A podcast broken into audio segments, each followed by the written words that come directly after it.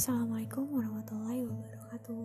Perkenalkan, nama aku Yerli Untuk kali pertama Aku akan mencoba untuk sharing tentang pengalaman bisnis aku Waktu aku kuliah di Semarang.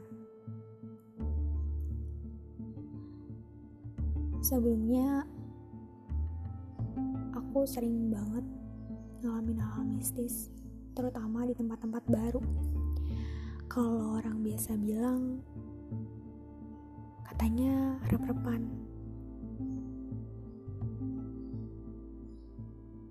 Aku yang dari kecil memang sudah peka. Bahkan kata orang tuaku dulu aku sering bermain dengan teman mistis yang tidak terlihat oleh manusia lain sampai pada suatu ketika karena hal itu terlalu mengganggu kehidupan aku dan keluarga aku sampai akhirnya aku dipanggilkan seorang ustadz untuk ditutup mata batinnya. Kemudian kita lanjut ke cerita bisnis aku waktu aku di kuliah di Semarang. Waktu itu sekitar 4 atau 5 tahun lalu teman-teman sejurusan aku mengadakan makrab atau malam keakrapan di tahun kedua aku kuliah.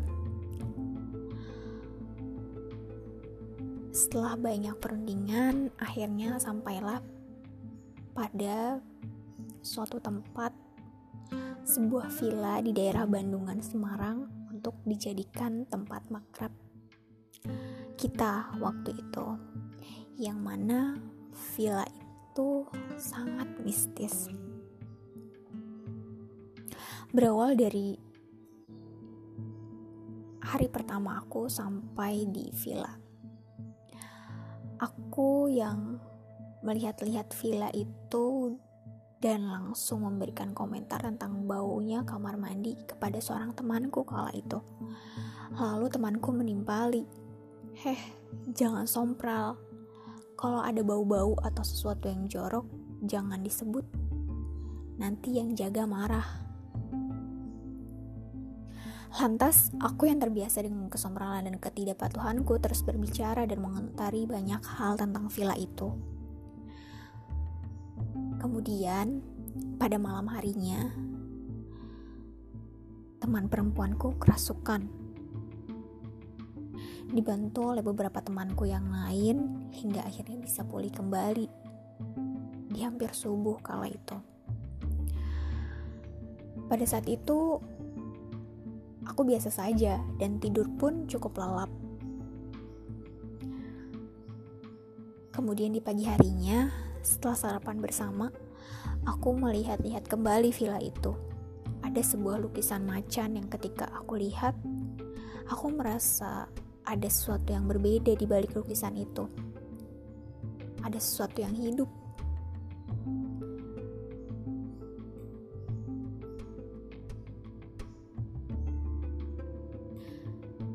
Kemudian di hari kedua aku menginap di villa itu, aku bersiap untuk kembali ke kosan dengan mandi dulu di pagi hari itu. Ketika aku mencoba untuk mengantri kamar mandi di villa itu, aku mendengar seperti ada seseorang yang juga sedang mandi dan beraktivitas layaknya manusia ketika sedang mandi. Kemudian aku tunggulah sampai hampir setengah jam di depan pintu kamar mandi. Kemudian ada temanku yang menyampari. Li, ngapain di depan kamar mandi? Loh, aku nungguin ini yang mandi ada orang di dalam. Loh li dari tadi gak ada orang di dalam. Kemudian temanku membukalah itu pintu kamar mandi. Yang ternyata memang tidak ada orang sama sekali yang sedang mandi di situ.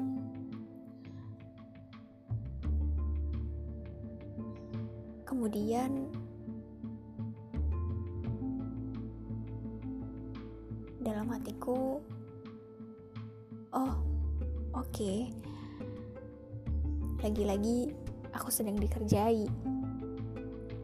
Dengan santainya aku tetap mandi di kamar itu dan melakukan aktivitas mandi seperti biasa sambil berbicara dalam hati. Aku tidak akan mengganggu, jadi jangan ganggu aku.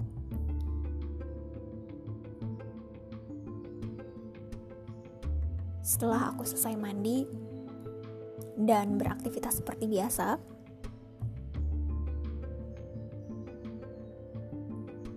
aku mulai paham bahwa ada sesuatu di villa itu. Aku mencoba untuk mengontrol apa pun yang aku bisa kontrol ketika itu.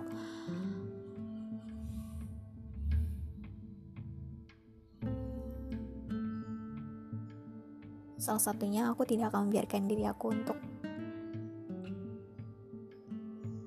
banyak bengong atau melamun. Persiapan kembali ke kosan akhirnya selesai. Di perjalanan aku dengan ketidakpatuhan dan kesompralan aku aku mencabut sebuah bunga di salah satu villa. Kemudian aku buang kembali di jalanan. Setelah itu aku kembali ke kosan ke kosan dan seperti biasa aku tidak merasakan ada apa pun hingga akhirnya malam tiba hampir sekitar satu jam aku didatangi oleh makhluk tinggi besar dan hitam.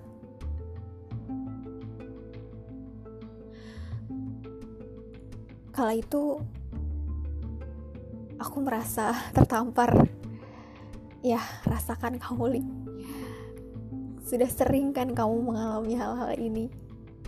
Dan yang punya villa ternyata marah. Aku disamperin sampai kosan di malam itu. Hampir sejam dia melihat aku dan mengawasi aku di sudut kamar. Sampai pada saat itu aku cukup takut dan akhirnya menutupi badan aku dengan selimut sambil berbicara di telepon dengan seorang teman. Seperti ini percakapannya. Aku takut kayaknya ada yang ngikutin aku dari villa. Tinggi besar warna hitam, dia lagi ngeliatin aku di pojokan. Gimana nih? Temanku menimpali. Kamu emang ngambil apa di villa? Aku nggak ngambil apa-apa. Aku cuma ngetik bunga terus aku buang lagi di jalan. Nggak aku bawa sampai ke kosan. Ah makanya jangan suka ambil-ambil sesuatu. Dari tempat yang kamu belum tahu siapa penjaganya. Kata dia seperti itu. Lalu aku tutup teleponnya aku mencoba untuk menenangkan diri dan meyakini bahwa aku minta maaf dan aku tidak akan mengganggu kamu. Jadi tolong jangan ganggu aku. Dalam hati aku berbicara. Akhirnya sejam itu si penjaga pun sudah menghilang. Iya, cukup sekian cerita mistis aku kali ini. Mungkin aku akan cerita lagi di next episode selanjutnya. Terima kasih. Wassalamualaikum warahmatullahi wabarakatuh. thank you